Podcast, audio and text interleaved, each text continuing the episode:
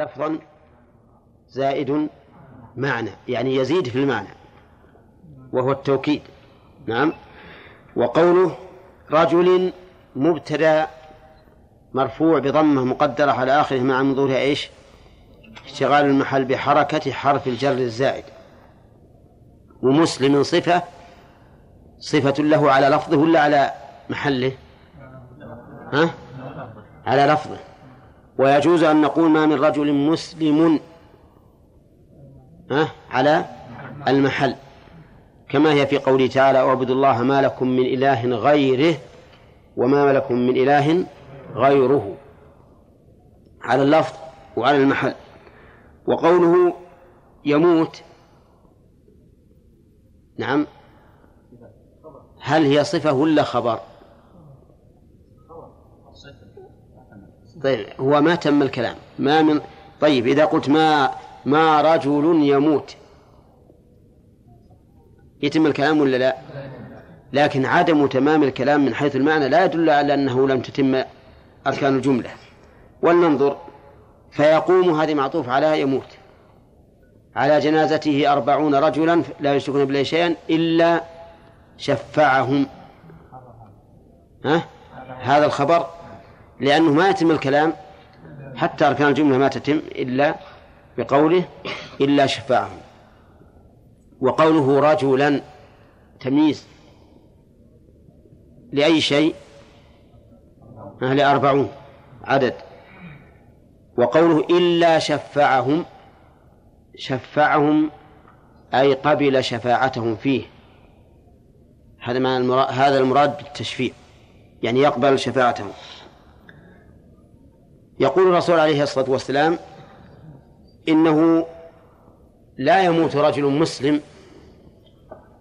فيقوم على جنازته أربعون رجلا. قد سلمت قلوبهم من الشرك فيدعون الله له إلا قبل الله شفاعته في هذا الرجل. فقولهما من رجل مسلم خرج به الكافر. فالكافر لو يصلي عليه ألف رجل ما نفعه شفاعة ما نفعت ما نفعته صلاة ما نفعته صلاتهم عليه. بل إنه لا يجوز أن يصلي أحد من المسلمين على الكفار.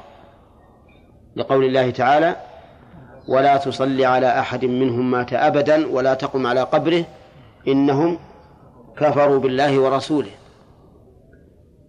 الكافر لا لا يجوز للمسلم أن يصلي عليه. وقوله أربعون رجلا لا يشركون بالله.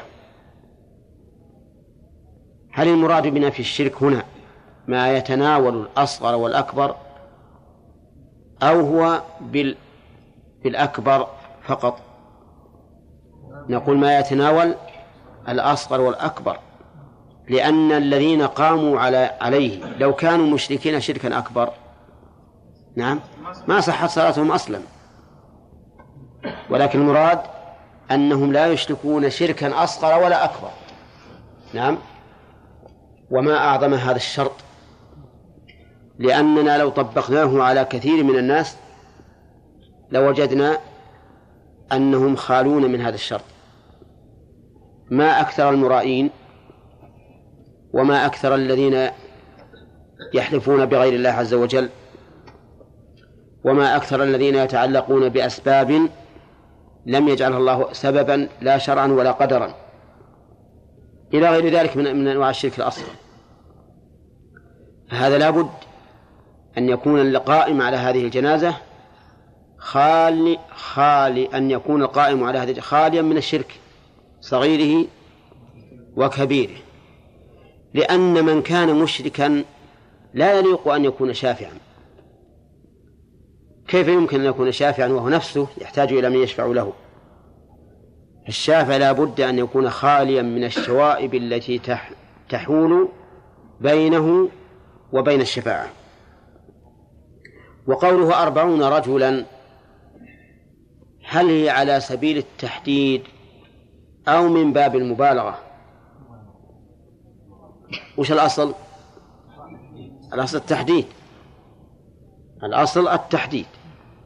إلا إذا قامت قرائن تدل على أن المراد المبالغة فإنه يعمل بها. وبناء على ذلك فإنه يفهم من قوله أربعون رجلا أنه لو صلى عليه تسع وثلاثون. فإن شفاعتهم غير مضمونة لكنها ليست ممنوعة. وفرق بين أن تكون مضمونة وبين أن تكون ممنوعة. ممكن أن يشفعهم الله فيه ولو كانوا دون الأربعين لكن الشيء المضمون هو أن يكونوا أربعين. وقوله أربعون رجلا يفهم منه أنه لو صلى عليه عشرون رجلا وعشرون امرأة ها؟ لم تحل الشفاعة. صح؟ أو لا تؤمن الشفاعة. فيقال لا لأن الظاهر أن هذا القيد من باب الأغلب. لأن أغلب الذين يصلون على الجنائز رجال. فإذا جاء القيد موافقا للأغلب لم يكن لمفهومه حكم. ثم إن كثيرا من الأحكام الشرعية تعلق بوصف الرجولة. سواء كانت جمع تكسير أو كانت مفردا أو كانت جمعا سالما. ولا يعني ذلك أن النساء لا يدخلن في هذا إلا إذا وجد دليل يخرج النساء. ففي هذا الحديث من الفوائد أولا أن غير المسلم لا تنفعه الشفاعة. لقوله ما من رجل مسلم. ثانيا أن من فوائده أن المرأة لو قام على جنازتها أربعون رجلا لا يشركون بالله شيئا لم يشفعهم الله فيها. ها؟ لا. ليش؟ آه لأنه أغلبي أو نقول ما ثبت في حق الرجال ثبت في حق النساء إلا بدليل. إذن حتى المرأة لو قام على جنازة أربعون رجلا لا يشركون بالله شيئا شفعهم الله فيها. ومن فوائد الحديث أن غير المسلم لا تنفعه الشفاعة. لقوله رجل مسلم وهو كذلك. وقد قال الله عز وجل فما تنفعهم شفاعة الشافعين. متى؟ صحيح؟ طيب إذا تكميلا لها يكون. من فوائد الحديث مشروعية تكثير المصلين على الجنازة. طلبا لنيل شفاعتهم. كذا؟ أي نعم. ومن فوائد الحديث أن الدعاء من الشفاعة. دعاء الإنسان الإنسان شفاعة. ولا لا؟ فإذا دعوت لأحد فإن فمعناه أنك شفاعة له عند الله سبحانه وتعالى. طيب وأصل الشفاعة؟ جعلوا إيش؟ الفرد شفعا. لأن الشافع يأتي مع المشفوع له فبدل من, أن يكون المشفوع له واحدا صار صار اثنين هو والشافع. طيب ومن فوائد من فوائد الحديث أن الأعداد التي يعينها الشرع توقيفية. بمعنى أننا لا نعلم حكمتها. أولى لأن الرسول قال أربعون رجلا. لماذا لم يكن الثلاثون؟ قد نقول لأنهم أقل. لكن نقول ما إذا قلنا لأنهم أقل قال قائل والأربعون أقل من من الخمسين. فيأتي الدور. ولكننا نقول إن هذه الأعداد التي يعينها الشرع لا ليس ليس للعقل فيها مجال. ولهذا لا يقول قائل لماذا كان صلاة الظهر أربعا وصلاة العصر أربعا؟ لماذا لم تكن ستا أو ثمانيا؟ والجواب أن نقول إيش؟ هذا أمور توقيفية ليس للعقل فيها مدخل. طيب ومن فوائد الحديث فضيلة التوحيد. منين تؤخذ؟ من قوله لا يشركون بالله شيئا. ومن فضيلة ومن فوائد الحديث أن المشرك ولو شركا أصغر ليس أهلا للشفاعة. من تؤخذ؟ اترك التقليب التام. من أين تؤخذ؟ من قوله لا يشركون في الله شيئا إلا شفاعهم. وقد يقال إن هذا في ضمان الشفاعة لا في أصل القبول لأنه قد يكون مشركا شركا أصغر والمشرك شركا أصغر لا يخرج من الإسلام فقد يقبل الله تعالى شفاعته ومن فوائد هذا الحديث مشروعية الإخلاص في الدعاء للميت. لأنك إذا تصورت أنك قد حضرت شافعا له عند الله فسوف إيش؟ تخلص في الدعاء وتلح على الله عز وجل في الدعاء وهو, وهو كذلك لأنه أخوك. ومن فوائده أنك إذا علمت أن هذا الرجل كافر حرم عليك الصلاة. وش وجهه؟ رجل مسلم. لأنك إذا شفعت في رجل غير مسلم فهذا من الاستهزاء بالله عز وجل. وقد يكون متضمنا لتكذيب خبره في قوله فما فما تنفعهم؟ شفاعة الشافعين وهذا أمر مجمع عليه فيما أعلم أنه لا يجوز أن يصلي الإنسان على شخص يعلم أنه كافر. بأي بأي سبب كانت كان كفره. وبناء عليه فإن تارك الصلاة على القول الراجح كافر ولا تجوز الصلاة عليه. نعم. ثم قال نعم.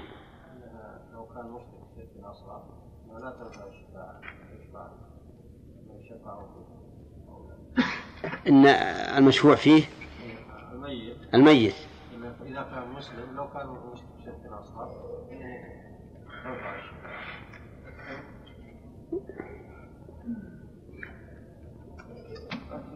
ها؟ يقول لو كان المصلى عليه مشركا شركا أصغر نفعت الشفاعة فيه. نعم؟ نقول نعم صح. نعم. لأن حتى لو كان عاصا بكبيرة من كبائر الذنوب فإنه تنفعه الشفاعة. إلا شفعهم الله فيه. إي نعم. المهم أي شيء ما دام ما خرج من الإسلام فهو ينفعه وعن سمرة بن جند بن جندب رضي الله عنه قال صليت وراء النبي صلى الله عليه وسلم على امرأة ماتت في نفاسها فقام وسطها متفق عليه. قوله صليت وراء النبي صلى الله عليه وسلم لأن المشروع في صلاة الجنازة المصافة وقوله على امرأة ماتت في نفاسها في يحتمل أن تكون للظرفية ويحتمل أن تكون للسببية لأنها تأتي لهذا وهذا. يحتمل المعنى في نفاسها أي بسبب نفاسها. كما في الحديث مشرف عذبت امرأة ها؟ في هرة حبستها. في هرة يعني بسبب هرة. ويحتمل أنها للظرفية. يعني ماتت وهي نفساء بمرض قد يكون من غير النفاس. ها؟ أي نعم. ويحتمل أنها هو إذا قلنا أنها ماتت بسبب النفاس فالغالب أنها تكون في نفس النفاس. هذا الغالب. وقول فقام وسطها. وسطها أي متوسطا منها. متوسطا منها. فيستفاد من هذا الحديث. أولا مشروعية المصافة في صلاة الجنازة. لقوله وراء النبي صلى الله عليه وسلم. وأن الإمام يتقدم إلى الجنازة وحده. ها؟ لأن الأصل أن كل المصلين وراءه. هذا هو الأصل. ويؤيد أيضا حديث أبي هريرة في قصة النجاشي. وما يفعله العامة من كون أهل الميت يقفون إلى جانب الإمام فإنه لا أصل له. فإن قلت إذا كان المكان ضيقا ولم يجد الذين قدموا الجنازة لم يجدوا مكانا في الصف الأول فماذا يصنعون؟ ها؟ نقول يتقدم الإمام ويكون خلفه ولو كانوا قريبين منه. ولو كانوا قريبين منه. فإن لم يمكن بأن كان لو تقدم ما يتمكن. فهم يصلون عن يمينه وعن يساره. في هذا الحال لأجل الحاجة والضرورة. لكن بعض العامة يعتقدون في صلاة الجنازة أنه لا بد أن يكون مع الإمام واحد. حتى أنهم إذا قدموا الجنازة تأخر الذين قدموها ربما تقدم واحد من الصف ليقف مع الإمام.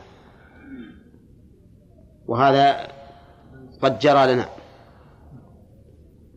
فينبغي لطلبة العلم أن ينبهوا العامة على أن صلاة الجنازة في المصافة كغيرها المشروع أن يتقدم الإمام على المأمومين وقوله على امرأة ماتت في نفاسها فقام وسطها. كلمة ماتت في نفاسها هل هو وصف طردي؟ لا مفهوم له. أو نقول إن هذا الحكم أي قيام الإمام وسط المرأة في من ماتت في النفاس. ها؟ الأول الأول أنه وصف طردي لأننا لا نعلم معنى لتقييد ذلك في النفساء. لا نعلم ذلك. وعلى هذا فيكون وصفا طرديا. أخذ العلماء من هذا الحديث مشروعية وقوف الإمام في صلاة الجنازة إذا كانت امرأة أن يكون وسطها وسطها. يعني متوسطا منها لا إلى اليمين ولا إلى اليسار فما هي الحكمة في ذلك؟ قال بعضهم إن الحكمة هو أن يكون حائلا بين المرأة بين عجيزتها ومن وراءه وهذه العلة في النفس منها شيء لأنه لو فرض أنه يحول بين من وراءه مباشرة وبين رؤية عجزتها فإنه لا يحول بين من كانوا على يمينه أو على يساره. ولم يتبين لي في ذلك حكمة تطمئن إليها النفس إلا أن المؤمن حكمته ثبوت النص. فإذا ثبت النص فهذه الحكمة. ولهذا لما سئلت عائشة رضي الله عنها ما بال الحائض تقضي الصوم ولا تقضي الصلاة؟ قالت كان يصيبنا ذلك فنؤمر بقضاء الصوم ولا نؤمر بقضاء الصلاة. ولم تعلل إلا إلا بالحديث بالنص. نعم. طيب وهل يشرع هل يدل هذا الحديث على مشروعية الصلاة على النفساء؟ حتى نعم.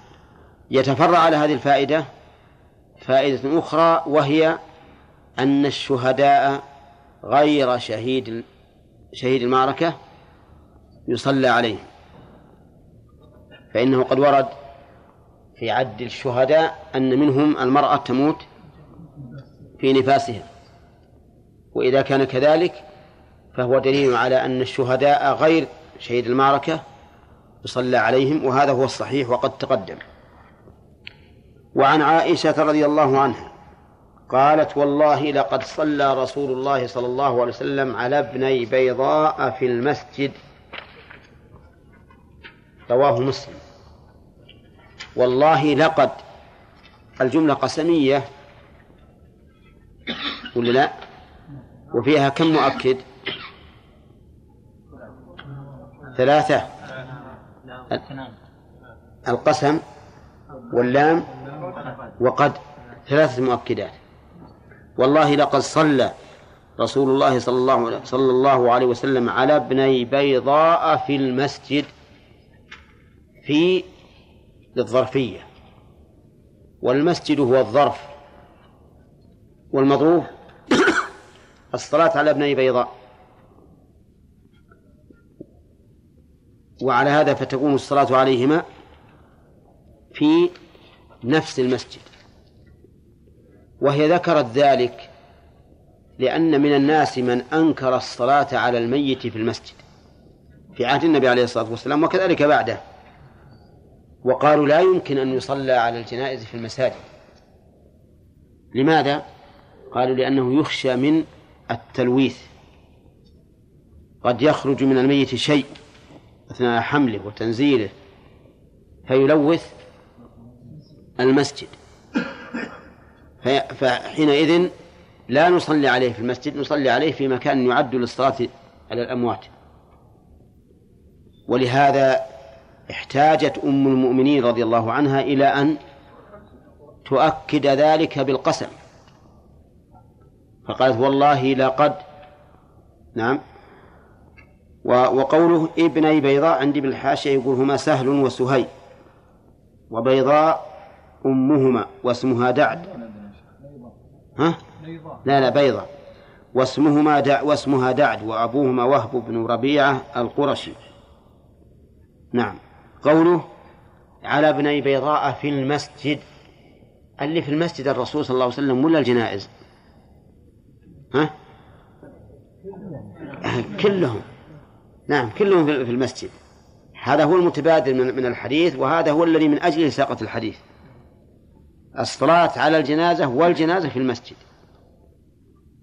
والعجيب أن الذين منعوا الصلاة على الميت في المسجد قالوا إن في المسجد ظرف لصلاة الرسول صلى الله عليه وسلم. لا للمصلى عليه الجنائز خارج باب المسجد والرسول في المسجد. ولا شك أن هذا خلاف ظاهر اللفظ وخلاف ما ساقت أم المؤمنين الحديث من أجله. وهو إثبات ما كان ينكره بعض الناس من الصلاة على الأموات في المساجد. ولكن هذه البلية وهي كون الإنسان يعتقد أولا ثم يستدل. هذه بلية ابتلي بها كثير من الناس. إذا اعتقد أولا ثم استدل ثانيا حرف بذلك النصوص. علشان يوافق ما يعتقده سواء مذهبه ولا فكره. نعم وهذه بلية عظيمة. ولهذا يجب أن يكون الإنسان مع الأدلة أن يكون كمن لا يعرف الطريق مع الماهر في الطريق. إذا ذهبت مثلا إلى مكة وأنت ما تعرف الطريق ومعك دليلة يدل. هل إذا قال امشي مع ذا تقول لا؟ الطريق مع ذا؟ آه مخالفا له؟ أبدا. وإنما تسلم له تماما. نعم. وتكون كما يقول العوام العوام حط راسك ها في القلص. حط راسك في القلص. وش حط راسك في القلص؟ تعرفون المثل هذا؟ ها؟ طيب يعرف عبد العزيز الظاهر. معناه واحد لكن نسمعه كثيرا اي وش هو القلص عشان يعرفون الجماعة. ها؟ كيف؟ اي القرص بعضهم يقول هذا السطل يسمونه السطل ولعل السطل بعد مجهول عندكم؟ ها؟ معروف. من الج... والأما اللي يزعب فيه للإبل فهو من الجلد. والمعنى أنك لا تبصر شيئا. اعتمد علي واترك ما, ما, ما, ما تبصر. هذا المعنى هذا المراد. فهذا الإنسان الذي الذي ينبغي هذا الإنسان الذي قد تم تحكيمه للكتاب والسنة ما يعتقد شيئا إلا تبعا للدليل. فإذا جاء الدليل على خلاف ما كان يعتقده قال سمعا وطاعه مشى مشى مع الدليل وترك ما يعتقد. وكذلك لو جاء الدليل مخالفا لمن يقلده من الأئمة قال مرحبا بالدليل وترك التعصب ومشى على ما يقتضيه الدليل. يستفاد من هذا الحديث؟ ها؟ نعم. جاء أذن الأسئلة.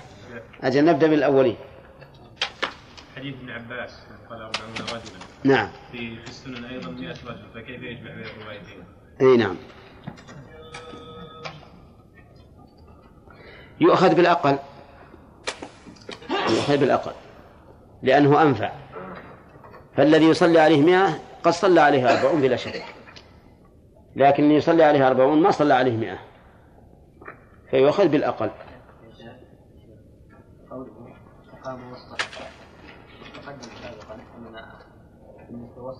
نعم. إذا كان المكوس أو الجلوس وسط وسط ما لا يعقل نعم. وسط جنازات فإنه تسكن السين وإذا كان يعني فيما يعقل فإن السين تفتح فذكرنا كيف جلس وسط النار بالتسكين ووسط القوم بفتح السين. أي.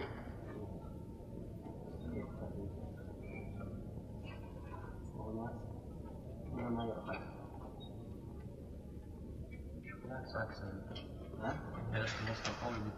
اي نعم. الظاهر إن إنه إذا كان الشيء له أجزاء. حسية فهو وسط مثل ويكون إمامهم وسطهم أي بينهم. وأما إذا كان معنويا فإنه يكون بالفتح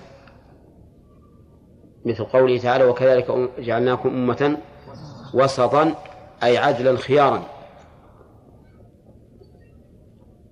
والبيت جلست وسط القوم بالتسكين. وبعده ووسط ووسط الدار لأن الدار ما هي ذات أجزاء. القوم واحد على يمينك وواحد على يسارك. طيب لكن نشوف المرأة هي أشبه ما لها الدار ولا أشبه ما لها القوم؟ ها؟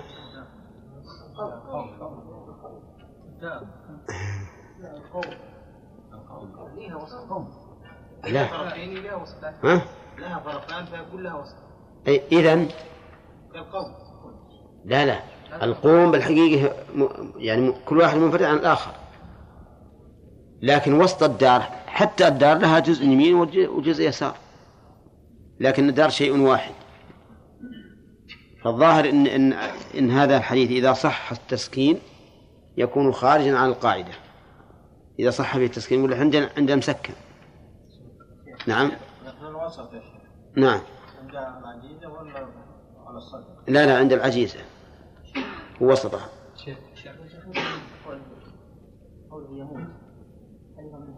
ها؟ من شيء. قوله يموت. أنه إذا انتحر. إذا انتحر مات. إيه. لأن الحي ما هم مصلون عليه. ما في شيء. إي نعم يصلى عليه. لكن تقدم لنا ان إن السلطان ما يصلي عليه. ها؟ نعم. قد يشفعهم الله فيه نعم. شيخ يقول لا يشركون بالله شيئا. يعني يجوز إن الإنسان يوصي إذا في أقوام مبتدعة لا يصلون. أيضا المبتدعه ما عندهم شرك أكبر أصلا إيه؟ لا هم بس إذا صلوا عليه ما ما ينتفع بهم. إذا صلى عليه ما ما ما تضمن الشفاعة. لكن كونه يوصي إن كان يعلم أن فلانا بدعته مكفرة وأنه قد يقدم في الصلاة على الجنازة فله أن يوصي. وإلا فليسكت ألا يتفرق الناس. وربما إذا أوصى قال لا يصلي عليه فلان إن كثير من الناس أيضا ما يصلون عليه. في بعض ما شرك أكبر أو شرك أصغر. إي نعم نعم فيه. فإذا كان إمام شيخ يصلي على الجنازة خليه يصلي على الجنازة إي. ما ما ما نقول إنه أما إذا كان شركه أكبر فلا يجوز أن أن يمكن من من أن يكون إماما. ما يجوز. نعم. رجل عاصي مثلا وأوصى قبل أن يموت يصلي عليه كان يعني يعرفه وصال فيه. نعم. هل يقبل الله؟ هل يشفع والله كما جاء في الحديث إذا صلوا عليه وهم لا يشركون بالله شيئا شفعهم الله فيه وهم أربعون رجلا شيخ لو زادوا على أربعين يعني هذا القيد من ناحية النقص أي نعم الزيادة من باب أولى طيب هل يؤخذ من هذا القاعدة كلما زاد على المطلوب يعني اي معروف إذا إذا كانت الزيادة هذه ما تخالف الشرع. ولا كان نقول مثلا آه، تسبيح 33 ما تزيد. فإذا كانت هذه الزيادة يعني فيها فضل لكنها ما تخالف الشرع فلا بأس. كلما زاد فهو أفضل. حديث عائشة رضي الله عنها جواز جواز القسم بدون استقسام للمصلحة وهو تأكيد الحكم الشرعي ومن فوائده أيضا جواز اليمين على الفتوى. نعم جواز اليمين على الفتوى. وقد أمر الله نبيه أن يحلف على الفتوى. أمره أمر أن يحلف على الفتوى إذا اقتضت الحاجة ذلك. ويستنبئونك أحق هو ها؟ قل إي وربي يستنبئونك يعني يطلبون منك النبأ والخبر هذا الاستفتاء. قل إي وربي إنه لحق. نعم واضح؟ طيب. وبناء على ذلك يجوز للمفتي أن أن يحلف على الفتوى ولكن هل يحلف على كل شيء؟ أو لا يحلف إلا إذا علم أن هذا هو الحكم أو غلب على ظنه. الجواب هو هكذا. لا يحلف إلا إذا علم أن هذا هو الحكم أو غلب على ظنه أن ذلك هو الحكم. فيجوز. ولا سيما عند عظم المفتى به أو عند تشكك المفتي ليطمئنه. نعم. فإذا كان الأمر عظيما فإنه قد يحسن أن نحلف عليه. وكذلك إذا رأينا أن المفتى أو أن المستفتي قد تشكك فإنه لا حرج أن نحلف بل قد يكون ذلك من الأمور المستحسنة. ومن فوائد حديث عائشة جواز الصلاة على الأموات في المساجد. لقولها صلى على ابني بيضاء في المسجد ومنها أن المعهود لا يحتاج إلى التنصيص عليه. لا يحتاج إلى التنصيص عليه. المعهود الشيء المعهود بين الناس ما يحتاج تنص عليه. من أين تؤخذ؟ من قوله في المسجد لأن ال هنا للعهد يعني المسجد اللي كان يصلي به عليه الصلاة والسلام. ويتفرع على هذه الفائدة فائدة ذكرها الفقهاء في باب المعاملات وهي الشرط العرفي كالشرط اللفظي فالشيء إذا كان معهودا بين الناس ومعروفا بينهم ما يحتاج إلى التنصيص عليه وذكره. نعم. فلو أن رجلا اشترى سلعة من شخص اشترى سلعة من شخص وهذا المشتري نقلها إلى بيته بدون إذن البائع وقال البائع ليش تنقلها؟ نقول هذا إيش؟ هذا شرط عرفي معروف عند الناس أنني إذا اشتريت الشيء نقلته ما دام متميزا مت... كذلك لو أن رجلا تزوج امرأة وأراد أن ينقلها إلى بيته فقالت هي وأهلها ما شرط علينا أن ننتقل للبيت. وش نقول؟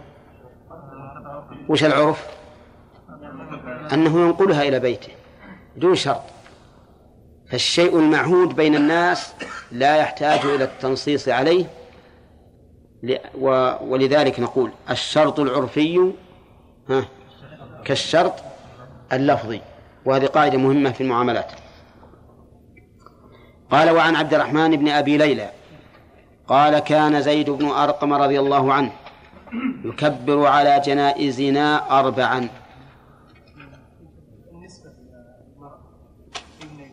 نعم. إي نعم فيها أيضا آه النسبة إلى إلى الأم. النسبة إلى الأم. هل هو جائز أم لا؟ الجواب إذا كانت النسبة إلى الأم لا تعني محو نسبتهما إلى نسبته إلى الأب فلا بأس به. بشرط أن لا يغضب من ذلك. بشرط أن لا يغضب من ذلك. فتكون كالكنية. ويكون الاسم الأول هو الأصل. وأما إذا توسي اسم اسم الأب ومحي فإن هذا لا يجوز. لعموم قوله تعالى ادعوهم لآبائهم. ولأنه إذا تنوسي ربما يضيع نسب هذا الرجل. ولأنه إذا تنوسي ربما يتهم هذا الرجل بأنه ابن ها؟ ابن زنا ليس له أب. وأما إذا جعل ذلك كالكنية مع الاسم الأصلي فلا حرج.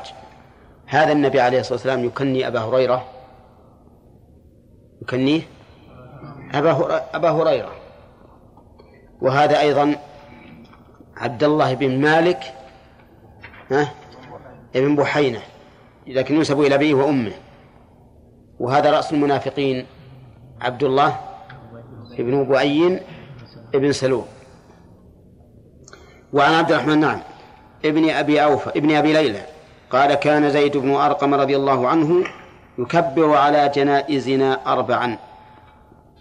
وإنه كبر على جنازة خمسا فسألته فقال كان رسول الله صلى الله عليه وسلم يكبرها رواه مسلم والأربعة. الأول تابعي عبد الرحمن بن أبي ليلى والثاني صحابي. وقوله يكبر على جنائزنا الإضافة هنا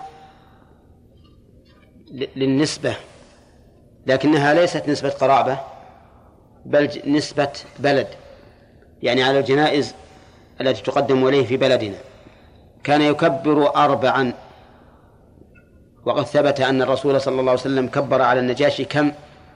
أربعا وإنه كبر على جنازة خمسا. فزاد. واحدة. فسألته فقال كان رسول الله صلى الله عليه وسلم يكبرها رواه مسلم. يعني يكبر خمسا. فقوله يكبرها أي الخمس. فهي عائدة على الخمس وليست عائدة على الخامسة. نعم. فيستفاد من هذا الحديث عدة فوائد. أولا أن المشروع في العبادات الواردة على وجوه متنوعة أن يفعلها تارة على هذا الوجه وتارة على الوجه الآخر. بدليل فعل هذا الصحابي كان يكبر على الجنائز كم؟ أربعا وكبر خمسا وبين أن النبي صلى الله عليه وسلم فعل ذلك وعلى هذا فيكون لهذا القول الذي اختاره شيخ الإسلام ابن تيمية رحمه الله يكون له أصلا منين؟ من فعل من؟ من فعل الصحابة رضي الله عنهم وأن السنة إذا جاءت على وجوه متنوعة فينبغي أن تفعل هذا مرة وهذا مرة لأجل أن تفعل أن تقوم بالسنة كلها ومن فوائدها من فوائد الحديث أن الأكثر في الجنائز أن يكبر عليها أربعا وهذا فعل الرسول عليه الصلاة والسلام. أكثر ما يكبر أربعا. حتى زعم بعض أهل العلم أن التكبيرات الزائدة على الأربع منسوخة ولكن الصحيح أنه ليست أنها ليست منسوخة. وذلك لإمكان إيش؟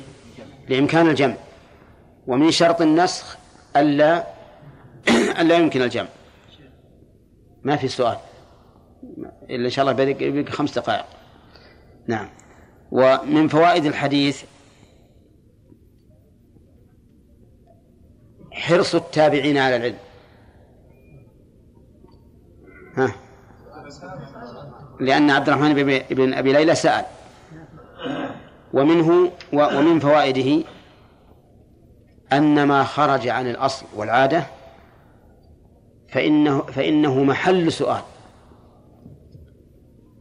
لماذا؟ لأنه قد يخطئ الإنسان فيزيد وقد يغلط فإذا خرج الشيء عن المعتاد فاسأل لماذا؟ ولهذا لما سلم النبي صلى الله عليه وسلم من ركعتين في حديث أبي هريرة في قصة ذي اليدين قالوا يا رسول الله ها؟ أنسيت أم قصرت الصلاة؟ ولما صلى خمسا في حديث ابن مسعود قالوا يا رسول الله أزيد في الصلاة. فإذا خرج الشيء عن العادة فلا بد أن يسأل عنه لئلا يكون الإنسان في خطأ. ومن فوائد الحديث أن من هدي الصحابة رضي الله عنهم إظهار السنة بالفعل.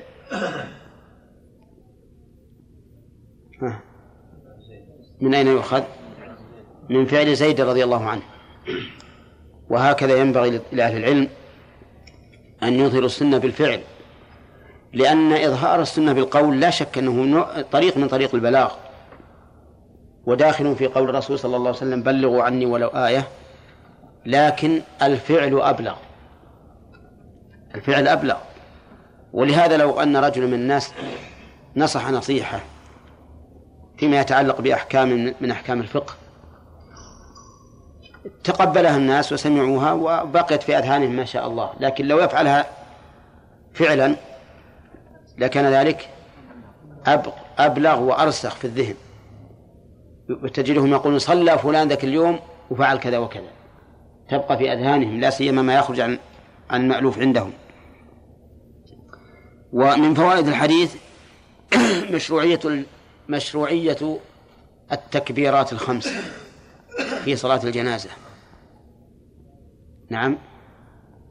لأن النبي صلى الله عليه وسلم ها فعل ذلك.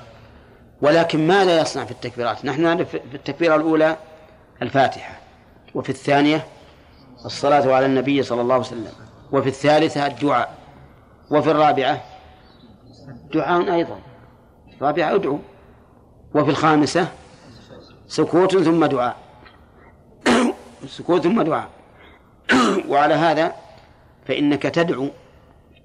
ومن الممكن أن تقسم الدعاء الذي يكون في الرابعة تقسم بين الرابعة والخامسة.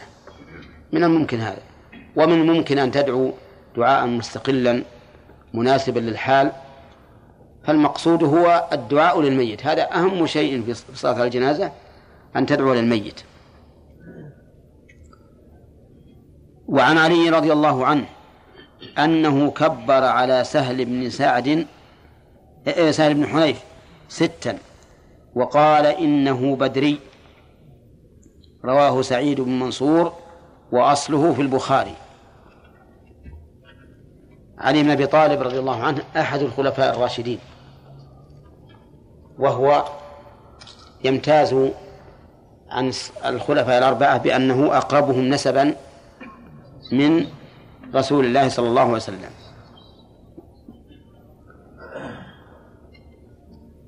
بعد قتل عثمان رضي الله عنه واستشهاده تولى الخلافة لأنه أحق الناس بها بعد بعد عثمان.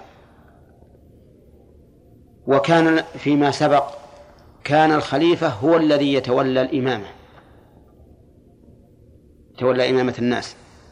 فكان يكبر فكبر على سالم بن حنيف ستا. ست تكبيرات. وقال إنه بدري.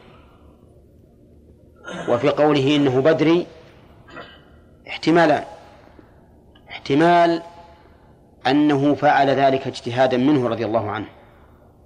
لكون هذا الرجل بدريا زاده في التكبيرات ليزيده في الدعاء. ويحتمل أن هذا من عادة الرسول عليه الصلاة والسلام أنه يكبر على أهل بدر ستا. فإن كان قد صح عن رسول الله صلى الله عليه وسلم أنه كان يصلي على أهل بدر ستا تعين الاحتمال الثاني. وإن لم يصح فالأصل العدم. فيترجح إيش؟ الاحتمال الأول أن علي رضي الله عنه اجتهد ورأى أن أصحاب بدر لهم حق بحيث يزاد في تكبير في تكبيرات الجنائز عليهم ليزداد إيش؟ ليزداد الدعاء لهم. فيستفاد من هذا الحديث. طيب وعلى هذا فإن علي بن أبي طالب رضي الله عنه أحد الخلفاء الراشدين الذين أمرنا باتباعهم. ما لم يخالفوا سنة الرسول صلى الله عليه وسلم. فإن خالف أحد سنة رسول الله صلى الله عليه وسلم فإنه لا يؤخذ بقوله. كائنا من كان. نعم.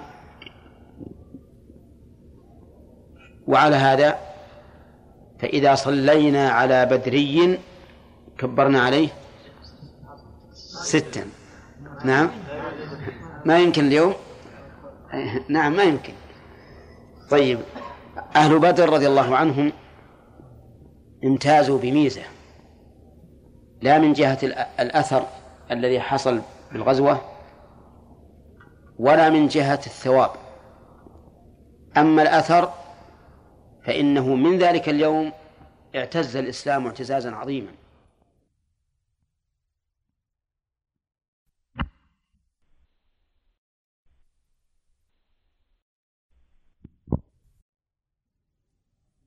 أنزلنا على عبدنا يوم الفرقان يوم التقى الجمعان. ولهذا ما بزغ نجم النفاق إلا بعد غزوة بدر لما قوي المسلمون بدأ يظهر النفاق والعياذ بالله. ولا في الأول كان غالب الناس غالب الكفار يبين كفر ولا يبالي. هذا هذا الأثر اللي حصل. أما الأثر أما الثواب فإن الله تعالى اطلع عليهم اطلع إلى أهل بدر وقال اعملوا ما شئتم فقد غفرت لكم. اعملوا ما شئتم فقد غفرت لكم. ولهذا ما ارتد أحد من أهل بدر أبدا. وقد أشكل على بعض الناس كيف الله يقول اعملوا ما شئتم؟ هل هذا يقتضي أن يباح لهم الكفر؟ ها؟ الجواب لا. لأن الله عز وجل يعلم أنهم لن يكفروا وهم بأنفسهم لا يمكن أن يقع منهم الكفر لما ألقى الله تعالى في قلوبهم من الإيمان الراسخ. إذن ما شئتم مما دون الكفر فالكبائر مكفرة لهم مغفورة والصغائر من باب أولى. وإنما غفرت لهم الكبائر لما حصل لهم من هذه الحسنة العظيمة التي لا يعتلها شيء. حتى حاطب ابن أبي بلتع رضي الله عنه لما اجتهد وظن أنه على صواب وأرسل رسالة لقريش حين أراد النبي عليه الصلاة والسلام أن يغزوهم وجاء الخبر الوحي إلى النبي عليه الصلاة والسلام وأرسل إلى المرأة من يأخذ الكتاب منها. واستأذن عمر رضي الله عنه أن يضرب عمر عنق حاطب. قال النبي عليه الصلاة والسلام وما يدريك لعل الله اطلع إلى أهل بدر فقال اعملوا ما شئتم فقد غفرت لكم. يعني فإن ففعل حاطب الآن وقع ها تحت هذا العموم.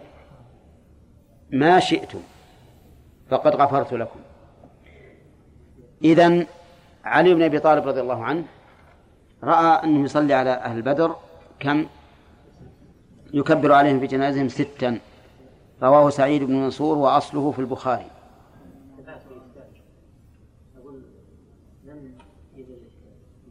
بعد بعد إن شاء الله إذا جاء وقت الساعة.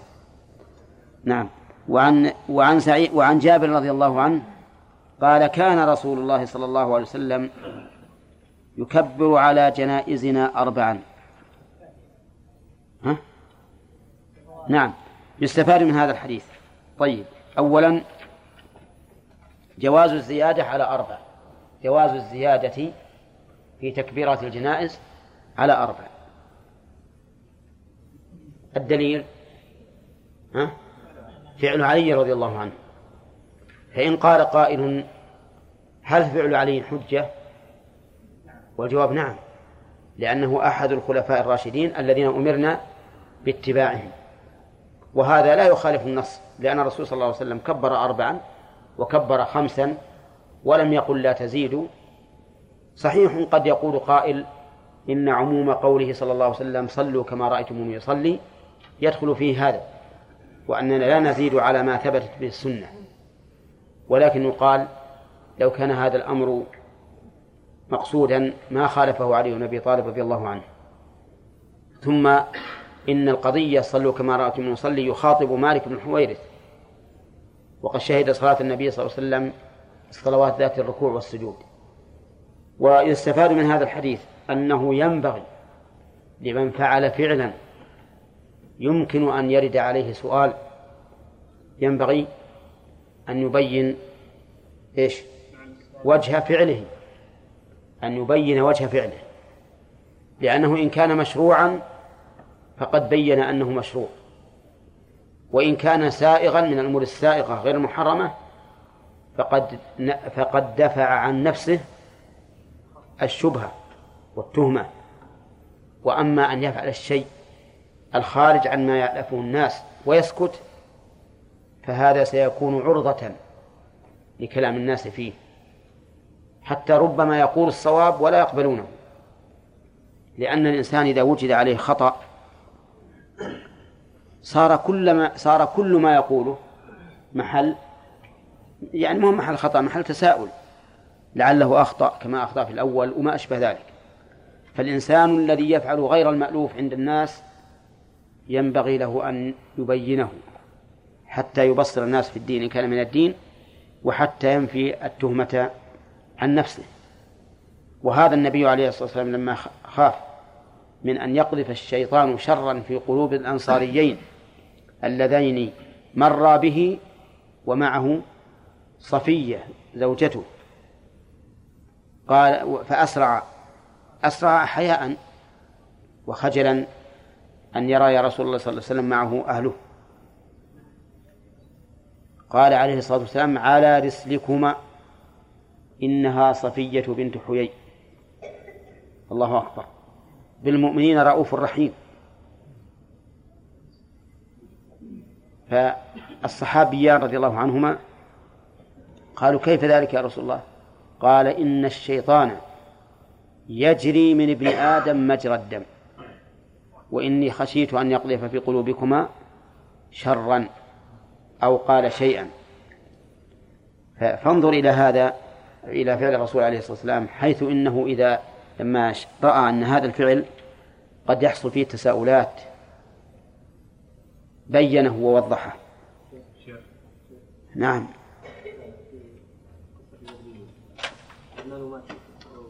نعم. ما يؤمن يعني ما يؤمن أن الله دفع عنه الحرج في الصلاة والسلام ما يوهم؟ أن الله دفع عنه الحرج في إيه نعم رفع عنهم العقوبة. رفع عنهم وأنه مغفور له اي نعم.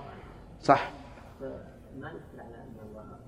يعني كيف يحضهم على فعل الصلاة وهي محرمة لا لا لا ما هو حظ هذا ما هو ما هو بحظ على هذا.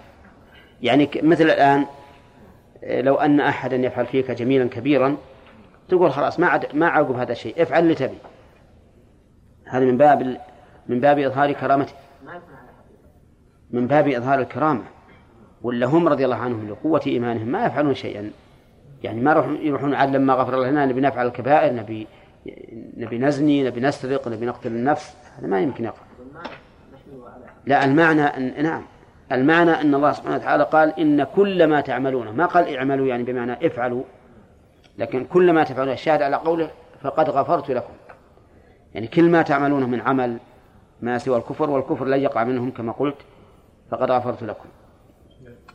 نعم. ما يستوعب الشيخ من حديث علي ما يقول كل ما وقع منهم من كبيرة وصغيرة من دون قصد ما تقصدوا فهو مغفور لهم طبعا هو نعم هو حتى ولو تقصدوا ذلك. حتى لو تقصدوا. لأن اللي من غير قصد قد يكون غيرهم أيضا كذلك. لكن حتى لو تقصدوا فيه مغفورة لهم.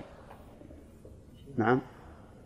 والشيخ ما من حديث علي نعم. من قتل في معركة يطبع فيها الإسلام ويصلى عليه في أي زمان كان قياسا على لا لا هو كبر على جنازة حاضرة يقصد أن يكبر عليه ستة. إيه؟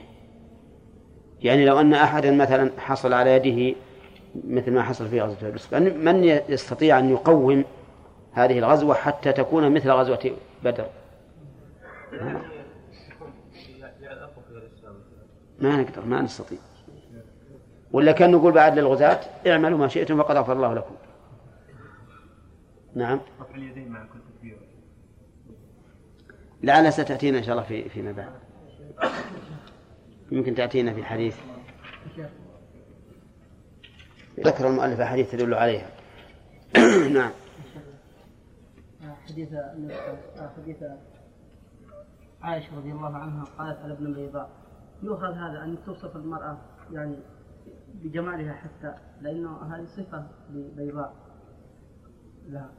ف يعني يؤخذ منها أن يعني تدعى مرأة بجمال يعني بصفتها. توصف بجمالها يعني. إي نعم. وش تقولون فيها؟ لأن هذه إنسان يميته لو لو وصف لو هي زينة ما, ما هم بالناس تعطين به يميته نعم. ها؟ أي هي صفتها بيضاء. أقول إذا إن كانت ميتة فإن وصفها بالبياض ما يأثر طيب أنه ميتة أنا أقول اصبر إن أنا أقول إن. وإن كانت حية فالبياض ما هو كل بياض يكون جمالا. هل كل بياض يكون جمالا؟ نعم غالبا نعم ما على كل حال. قد يكون البياض عيب ولهذا قال الله عز وجل لموسى تخرج بيضاء من غير سوء.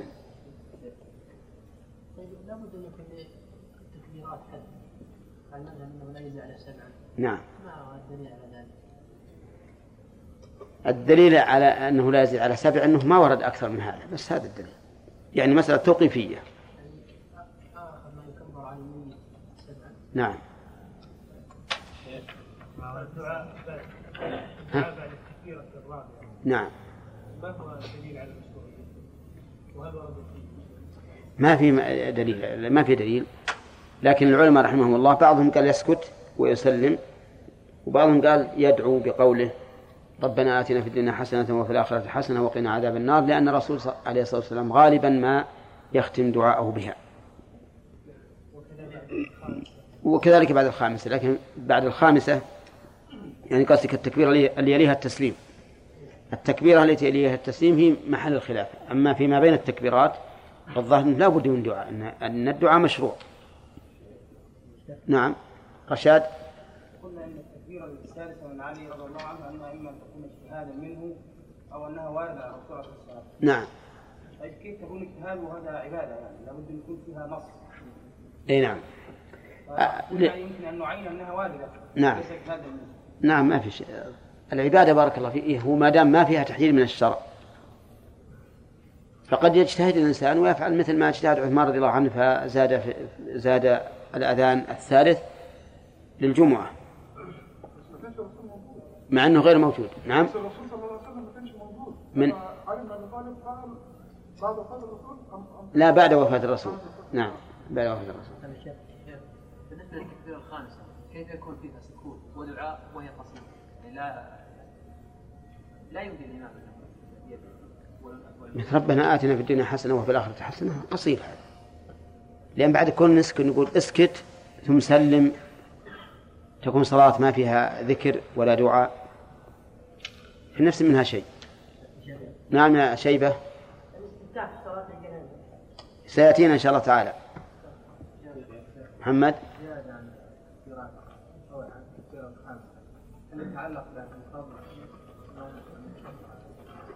الظاهر أن التكبيرات هذه كالفصول بين أجزاء الدعاء.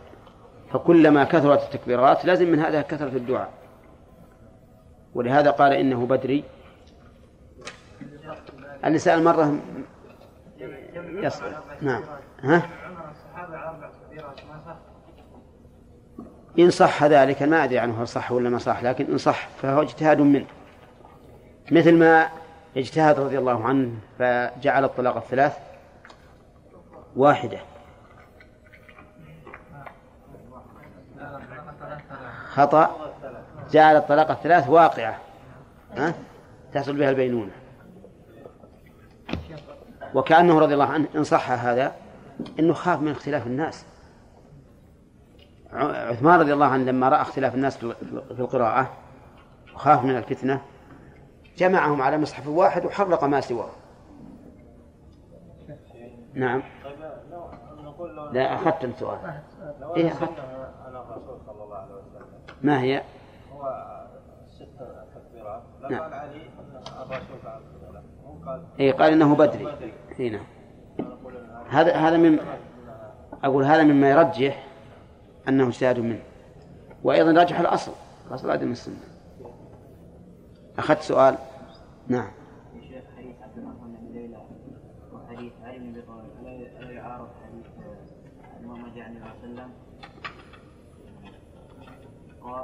قالوا كان النبي صلى الله عليه وسلم يكبر على الجنازة أربعا وخمسا وستا وسبعا وثمانيا. حتى جاء الموت حتى جاء النجاشي فخرج المصلى وصف الناس وزاد وكبر علي أربعا ثم ثبت عن النبي صلى الله عليه وسلم عن النبي صلى الله عليه وسلم على الأربع حتى توفى. يعني يقول إلى آخر حياته وقد- لا ما ما يعرف لأن ما دام أمكن الجمع. خل عندك قاعدة إذا أمكن الجمع؟ ما يمكن نبطل أحد النصين بالآخر. ولو تأخر ولو تأخر. ما, ما لم أسمع. ولو تأخر. ما لم يقل كنت فعلت كذا فلا تفعله قال كان رسول الله هذا مبتدأ درس اليوم. وعن جابر رضي الله عنه قال كان رسول الله صلى الله عليه وسلم يكبر على جنائزنا أربعا ويقرأ بفاتحة الكتاب في التكبيرة الأولى. رواه الشافعي بإسناد ضعيف. وعن طلحة بن عبد الله بن عوف رضي الله عنه قال صليت خلف ابن عباس على جنازة فقرأ فاتحة الكتاب فقال ليعلموا أنها سنة. المؤلف رحمه الله ذكر حديثين أحدهما مرفوع صريحا والثاني مرفوع حكما. المرفوع الصريح ضعيف كما قال بإسناد ضعيف وعندي في الحاشية يقول لأنه من عن إبراهيم بن محمد عن محمد بن عبد الله بن عقيل وقد ضعفوه. ولكنه أعقبه بالحديث المرفوع حكما وهو قول ابن عباس ليعلموا أنها سنة ليعلموا أنها سنة. ويؤيد ذلك أيضا قول النبي عموم قول النبي صلى الله عليه وسلم لا صلاة لمن لم يقرأ بأم القرآن. فإن الصلاة على الجنازة داخلة في اسم الصلاة فتكون داخلة في هذا العموم. وعلى هذا فنقول عندنا ثلاثة أدلة الآن. عموم وهو حديث مرفوع صحيح صريح. وخصوص وهو حديث مرفوع بسند ضعيف. وخصوص وهو مرفوع حكما بسند صحيح رواه البخاري. قوله يكبر على جنازة على جنائزنا أربعا هذا له شاهد بل عدة شواهد تدل على أن النبي صلى الله عليه وسلم كان يكبر على الجنائز أربعا ومنه ما ثبت في الصحيحين وغيرهما أنه كبر على النجاشي أربعا ولا إشكال فيه. ويقرأ بفاتحة الكتاب ذكرنا أن على هذا كم دليلا؟ ثلاثة. لكنه قال في التكبيرة الأولى. في التكبيرة الأولى. وهذا الحديث كما رأيتم ضعيف. وحديث ابن عباس ليس فيه تعيين أن الفاتحة في الركعة الأولى. ولكننا نقول أن هذا الحديث ضعيف يعضده القياس والمعنى. أما القياس فهو أن النبي صلى الله عليه وسلم كان لا يبدأ بشيء قبل الفاتحة في الصلاة. كما قالت عائشة كان النبي صلى الله عليه وسلم يفتتح الصلاة بالتكبير والقراءة ها؟ بالحمد لله رب العالمين. وعلى هذا فلا شك أن المناسب في تكبيرات الجنازة أن تكون قراءة الفاتحة في ها؟ في التكبيرة الأولى ما في الركوع ولا. في الركعة الأولى. صح ولا لا؟ أي أجل ما أخذتها اقتبست. في التكبيرة الأولى. أن تكون قراءة الفاتحة في التكبيرة الأولى. وأيضا هي فاتحة الكتاب. فتفتتح بها الصلاة ما عدا التكبير. وقوله بفاتحة الكتاب سميت فاتحة الكتاب لأنه افتتح بها كتاب الله عز وجل. وليست هي أول ما نزل بل إن أول ما نزل قوله تعالى اقرأ باسم ربك الذي خلق إلى قوله علم الإنسان ما لم يعلم هذه الآيات الأربعة هي أول ما نزل حتى قبل البسملة اقرأ باسم ربك الذي خلق طيب وقوله بفاتحة الكتاب الكتاب هو القرآن. وسمي كتابا لأنه مكتوب فهو فعال بمعنى مفعول. وفعال بمعنى مفعول تأتي في اللغة العربية كثيرا كما في الغراس والبناء والفراش ونحوها. طيب. وسمي كتابا بمعنى مكتوبا لأنه كتب في اللوح المحفوظ بل هو قرآن مجيد في لوح محفوظ. وكتب في الصحف التي بأيدي الملائكة. كلا إنها تذكرة فمن شاء ذكره في صحف مكرمة مرفوعة مطهرة بأيدي سفرة كرام بررة. وكتب في الصحف التي بين أيدي الناس. أليس كذلك؟ فهو مكتوب لهذه الوجوه الثلاثة. وقوله وفي التكبيرات الأولى نعم. إذا قال قائل ماذا يستفاد من الحديث؟ نقول يستفاد منه مشروعية قراءة الفاتحة بعد التكبيرة الأولى. وهل هي ركن أو واجب أو سنة؟ الجواب ركن. لعموم قوله صلى الله عليه وسلم لا صلاة لمن لم يقرأ بأم الكتاب. وعلى هذا فهي ركن في صلاة الجنازة. لو تركها الإنسان ما صحت صلاة الجنازة. لا بد منها. وأما حديث ابن عباس رضي الله عنهما فيستفاد منه أنه ينبغي للعالم أن يجهر بما يحتاج الناس إلى تعلمه لأن الظاهر أن ابن عباس جهر حيث قال ليعلموا أنها سنة. عندي ليعلموا. عندكم تعلموا نعم. يمكن اختلاف الروايتين. لتعلموا أنها سنة. لتعلموا اللام هنا للتعليل. والمعلل محذوف. تقديره؟ قرأتها لتعلموا. وقولها أنها سنة السنة في اللغة الطريقة وفي الاصطلاح طريق النبي صلى الله عليه وسلم. فتشمل القول والفعل والإقرار. وفي اصطلاح الأصوليين السنة ما أثيب فاعله ولم يعاقب تاركه. فلها ثلاثة تعريفات في اللغة وفي في المصطلح وعند الأصوليين. في اللغة الطريقة. وعند أهل الاصطلاح هي قول الرسول صلى الله عليه وسلم وفعله وإقراره طريقته. وعند الأصوليين وما أثيب فاعله ولم يعاقب تاركه. طيب. أيها المراد من كلام ابن عباس؟ المراد المعنى الوسط أنها سنة النبي صلى الله عليه وسلم.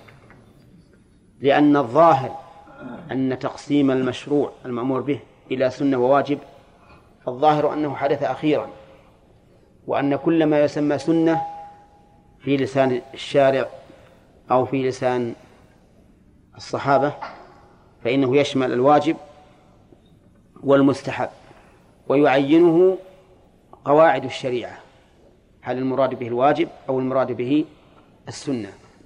هنا نقول المراد بها الطريقة. فهل هي واجبة أو غير واجبة؟ واجبة. الدليل؟ ها؟ لا صلاة لمن لم يقرأ بفاتحة الكتاب. وأما مجرد قراءة النبي صلى الله عليه وسلم لها فلا يدل على الوجوب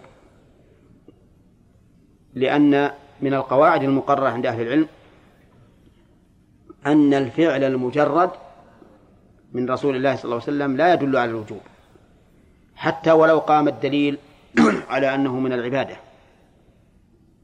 فإنه لا يدل على الوجوب لأنه لم يقرن بأمر بفعله ولا بنهي عن تركه وإنما هو داخل في عموم قوله لقد كان لكم في رسول الله أسوة حسنة وهذا عام خرج منه أفراد كثيرة ليست على الوجوب. وقوله لتعلموا أنها سنة ذكرنا أنه من باب المرفوع إيش؟ حكما.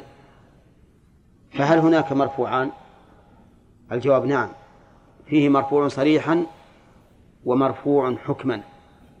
فالمرفوع صريحا هو الذي يضاف إلى النبي صلى الله عليه وسلم نفسه بأن يقال قال النبي أو فعل النبي أو رأى النبي صلى الله عليه وسلم كذا أو سمع كذا فأقره. هذا يسمى مرفوع يسمى مرفوعا صريحا. أما المرفوع حكما فهو ما ثبت له حكم الرفع ما ثبت له حكم الرفع ولكنه لم يصرح برفعه إلى النبي صلى الله عليه وسلم. ومن ذلك له يعني له أمثلة كثيرة. منها إذا قال الصحابي من السنة كذا. من السنة كذا. فهو مرفوع. إيش؟ حكما. لأن الصحابي عاشر النبي صلى الله عليه وسلم وسمع منه ورأى منه. فإذا قال من السنة فإنما يعني سنة من شاهده. وسمع منه وهو الرسول عليه الصلاة والسلام. وأيضا إنما يعني من سنته تشريع. من سنته تشريع. أما إذا قال التابعي من السنة كذا ها فقيل إنه موقوف. لأن الصحابة لأن التابعين إنما يعنون بالسنة ما سنه الصحابة. وقيل إنه مرفوع مرسل. مرفوع مرسل كما لو نسب التابعي إلى النبي صلى الله عليه وسلم مرفوعا صريحا فإنه يكون مرفوعا مرسلا. فإذا نسب إليه مرفوعا حكما صار إيش؟ صار مرفوعا حكما مرسلا. مرسلا وهو محل خلاف بين المحدثين. المهم أن هذا الحديث يدل على أن قراءة الفاتحة من السنة أي من سنة الرسول عليه الصلاة والسلام الشاملة للواجب والمندوب وقد دل الحديث على وجوبها. وعن عوف بن مالك رضي الله عنه قال صلى رسول الله صلى الله عليه وسلم على جنازة فحفظت من دعائه. سبق أننا, أننا ذكرنا عن أهل اللغة أنهم إذا قالوا جنازة بالفتح فهي الميت وإذا قالوا جنازة فهي النعش عليه ميت. نعم. على جنازة فحفظت من دعائه. قوله من للتبعيض. وهو يدل على أن هناك دعاء آخر ما حفظه. حفظت من دعائه. اللهم اغفر له وارحمه وعافه واعف عنه وأكرم نزله وأوسع مدخله ومدخله ووسع نعم مدخله أو مدخله واغسله بالماء والثلج والبرد ونقه من الخطايا كما ينقى الثوب الأبيض من الدنس وأبدله دارا خيرا من داره وأهلا خيرا من أهله وفي صحيح مسلم الذي نقل المؤلف من هذا الكتاب وزوجا خيرا من زوجه. عندكم؟ وأدخله الجنة وقه فتنة القبر وعذاب وعذاب النار. هذه أدعية عظيمة جدا. حتى قال عوف بن مالك رضي الله عنه راوي الحديث حتى تمنيت أن أكون أنا ذلك الميت. لا تمنيا للموت ولكن تمنيا لهذا الدعاء. نعم. نرجع إلى قولها اللهم فنسأل عبد الرحمن بن داود عن اللهم هذه وش شأنها؟ يعني يا الله. كذا؟ طيب. يقولون في. في توجيهها حذفت ياء النداء تبركا بالبداءة بالاسم الكريم. ها؟ نعم. وعوض عنها الميم في الآخر. ولم يختر من الحروف إلا الميم لدلالتها على الجمع. فكأن الداعي جمع قلبه ولسانه وقوله بالتوجه إلى الله سبحانه وتعالى. فقال اللهم وقال ابن مالك والأكثر اللهم بالتعويض. ها؟ إيش بعد؟ وشذ ياللهم في قريضي قريض البسك... قريض البسكوت. ها؟ قريض الشعر. نعم. قال الشاعر قال الشاعر اللي أشار إليه ابن مالك إني إذا ما حدث ألم أقول ياللهم ياللهم والأكثر ها؟ اللهم اللهم. طيب. يقول اللهم اغفر له وارحمه. المغفرة هي ستر الذنب والتجاوز عنه. ليست مجرد الستر ولا مجرد التجاوز بل ستر وتجاوز. من أين عرفنا أنها جامعة لمعنيين؟ من الاشتقاق لأن المغفرة مأخوذة من المغفر. هل تدرون ما المغفر؟ ما هو؟ الذي يوضع من شيء من الحديد يوضع على الرأس عند الحرب. ففيه وقاية وستر. ويدل لذلك أيضا أن الله عز وجل إذا خلى بعبده المؤمن يوم القيامة وقرره بذنوبه. قال له قد سترتها عليك في الدنيا وأنا أغفرها لك اليوم. اللهم اغفر له. إذن المغفرة ستر الذنب والتجاوز عنه. وارحمه. الرحمة فوق المغفرة لأنها بدأ بعد إزالة العقوبات يطلب له حصول الرحمات. وارحمه. ففيها حصول المطلوب بعد زوال المرهوب ولهذا دائما تقرن مع المغفرة متأخرة عنها. حتى بعد ما تزال الشوائب المانعة تأتي الرحمة. وارحمه. ولهذا يقولون التحلي ها؟ لا بعد التح... بعد التخلي. التحلي بعد التخلي. إيش هذا؟ التحلي يعني التجميل التجميل وال... وإصلاح ال... الإنسان نفسه ولبس الحلي. يكون بعد التخلي. يقول المرأة إذا لبست الحلي وجه ملوث بالأوساخ نقول لها أول روحي غسل وجه ثم ثم البس الحلي. صح ولا لا؟ تخلى قبل أن تتحلى. طيب. اللهم اغفر له وارحمه وعافه واعف عنه. عافه من أي شيء؟ من المرض. ها؟ المرض من المرض لأنه ميت. لكن عافه من آه نعم من العذاب. من العذاب الحاصل بفعل الذنوب. واعف عنه تجاوز عنه من التقصير بفعل الواجب. تجاوز عنه من التقصير بفعل الواجب. لأن الآثام سببها أمران. إما فعل محرم وإما ترك واجب ففي عافه من آثار المحرمات. واعف عنه عن عن آثار التهاون بالواجبات. واعف عنه. طيب لو قال قائل هاتان الجملتان داخلتان فيما سبق. فالجواب نعم. لكن لكن مقام الدعاء ينبغي فيه البسط والتكرار. وذكرنا فيما سبق أن استحباب البسط والتكرار في- في باب الدعاء له فوائد متعددة. ألا نذكرها الآن؟ ها؟ طيب يا سامي أعطنا واحد. مقام الدعاء مقام النجاة فينبغي الله عز وجل. فكلما طالت المناجاة مع من تحب كان ذلك أبلغ في إقامة الحجة والبيان على أنك تحبه. هذا واحد. أن أن الدعاء عبادة. فكلما كررته زدت في عبادة الله عز وجل. نعم. أن أن تكراره إلحاح من العبد. وهو دليل على شعور الإنسان بشدة الافتقار إلى ربه عز وجل. وإذا شعر الإنسان بذلك أوشك أن الله يمده سبحانه وتعالى أن الله يمده بما يكون فيه الغنى طيب.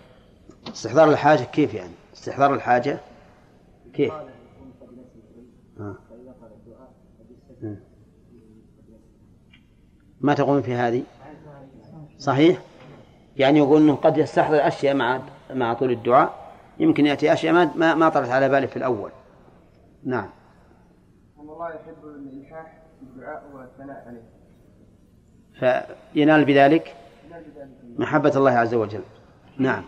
هذه خمس فوائد. ومنها أيضا أن هذا التفصيل قد يعني يذكر الإنسان أشياء دقيقة دقيقة ما مثل مثل الإجمال. الإجمال قد يكون الإنسان مثل ما استحضر لأشياء معينة فإذا فصل قد يستحضر الأشياء الدقيقة وهذا معنى ما قاله الأخ سامي. فيكون هذه فوائد تكرار الدعاء خمسة خمس فوائد. نعم. اللهم. وأكرم نزله ووسع مدخله. أكرم نزله. النزل ما يقدم للضيف من كرامة.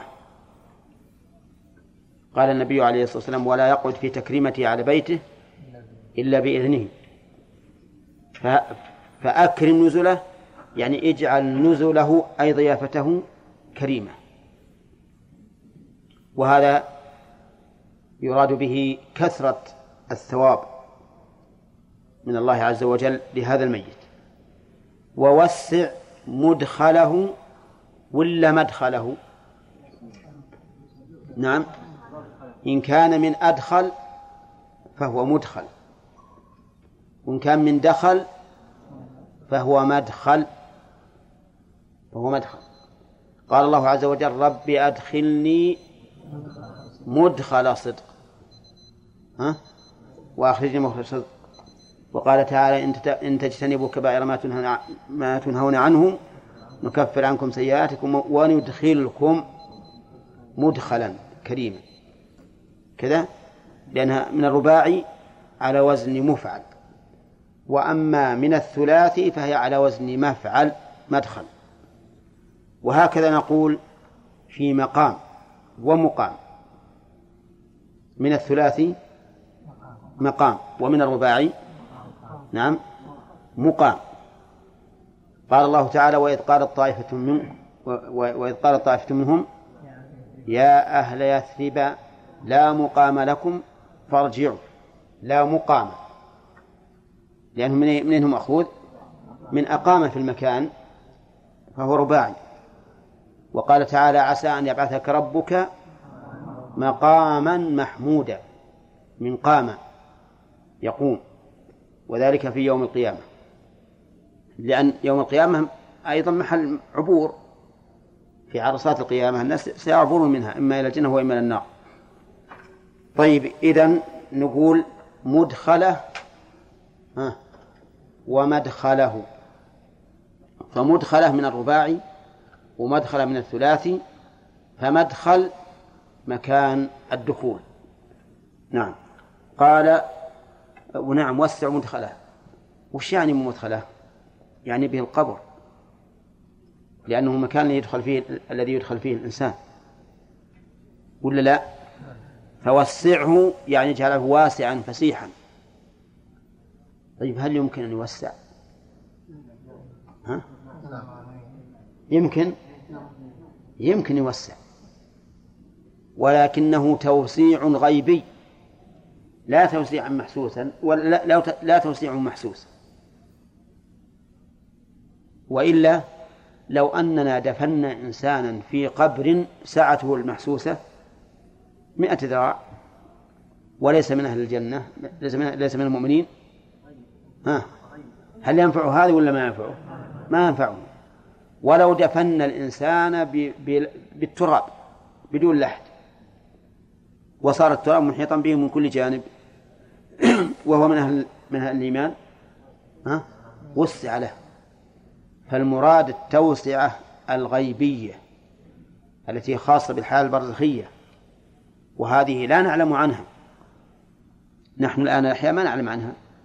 يعلم عنها الميت إذا مات ولكننا علمناها عن طريق من؟ عن طريق النبي عليه الصلاة والسلام. الثابت بالوحي. واغسله بالماء والثلج والبرد. لتنقيته من الذنوب وإزالة أوساخها.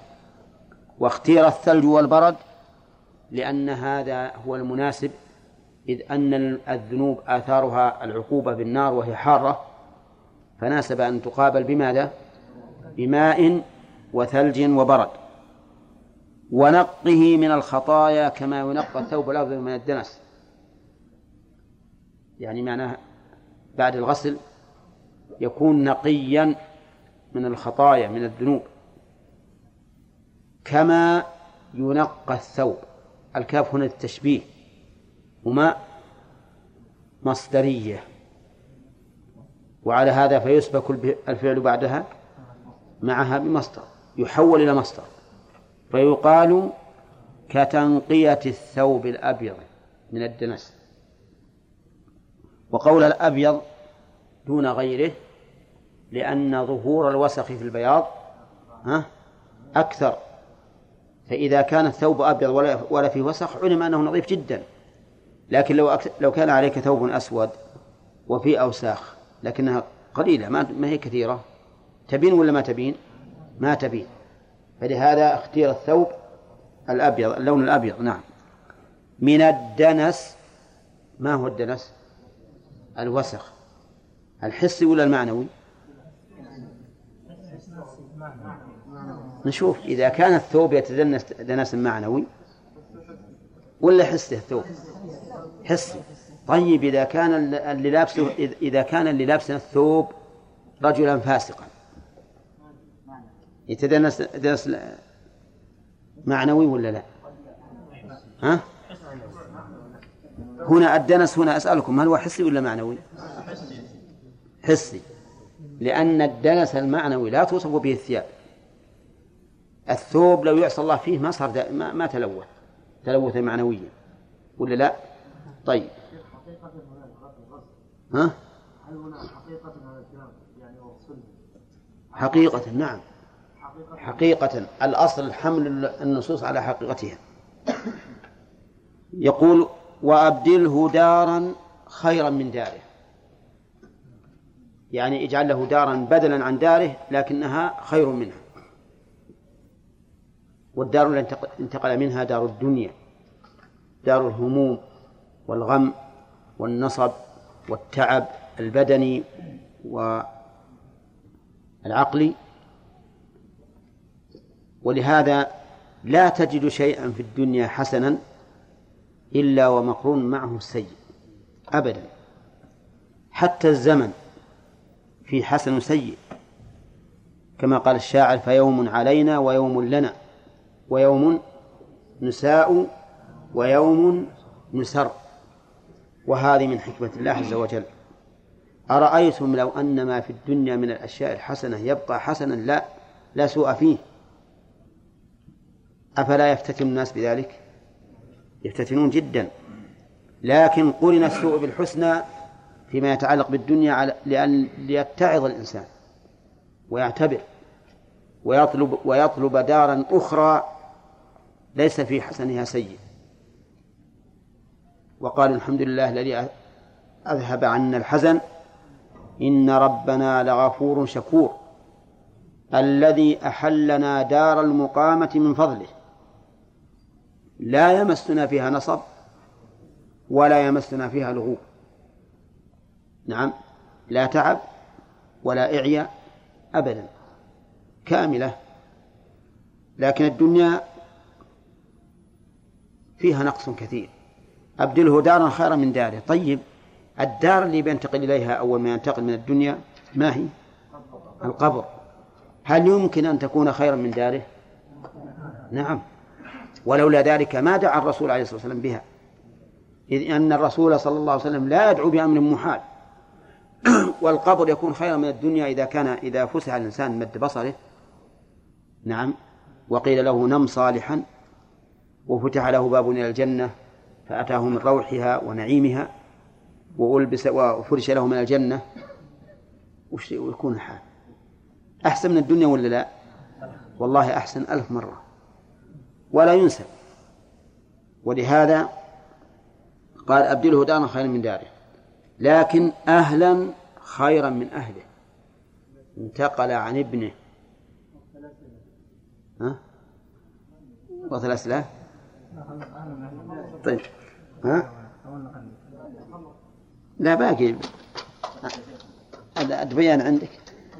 ها؟ إذا كان العالم قراءة الفاتحة نعم. قد يتوهم المصلين ذهب من سنة الرسول صلى الله عليه وسلم جعل أي.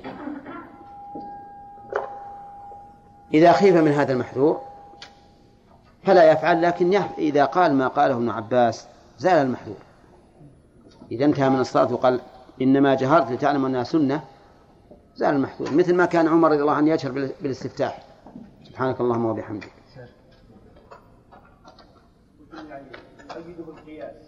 أين؟ البداية نعم. نعم. كان يبدأ بدعاء كما في حديث هريرة نعم يبدأ القراءة. يبدأ الصلاة كان يستفتح الصلاة بالتكبير والقراءة. بالحمد لله رب العالمين. نعم. ها؟ أي نعم. وش الفرق بينهم؟ ها؟ يقول ما الفرق بين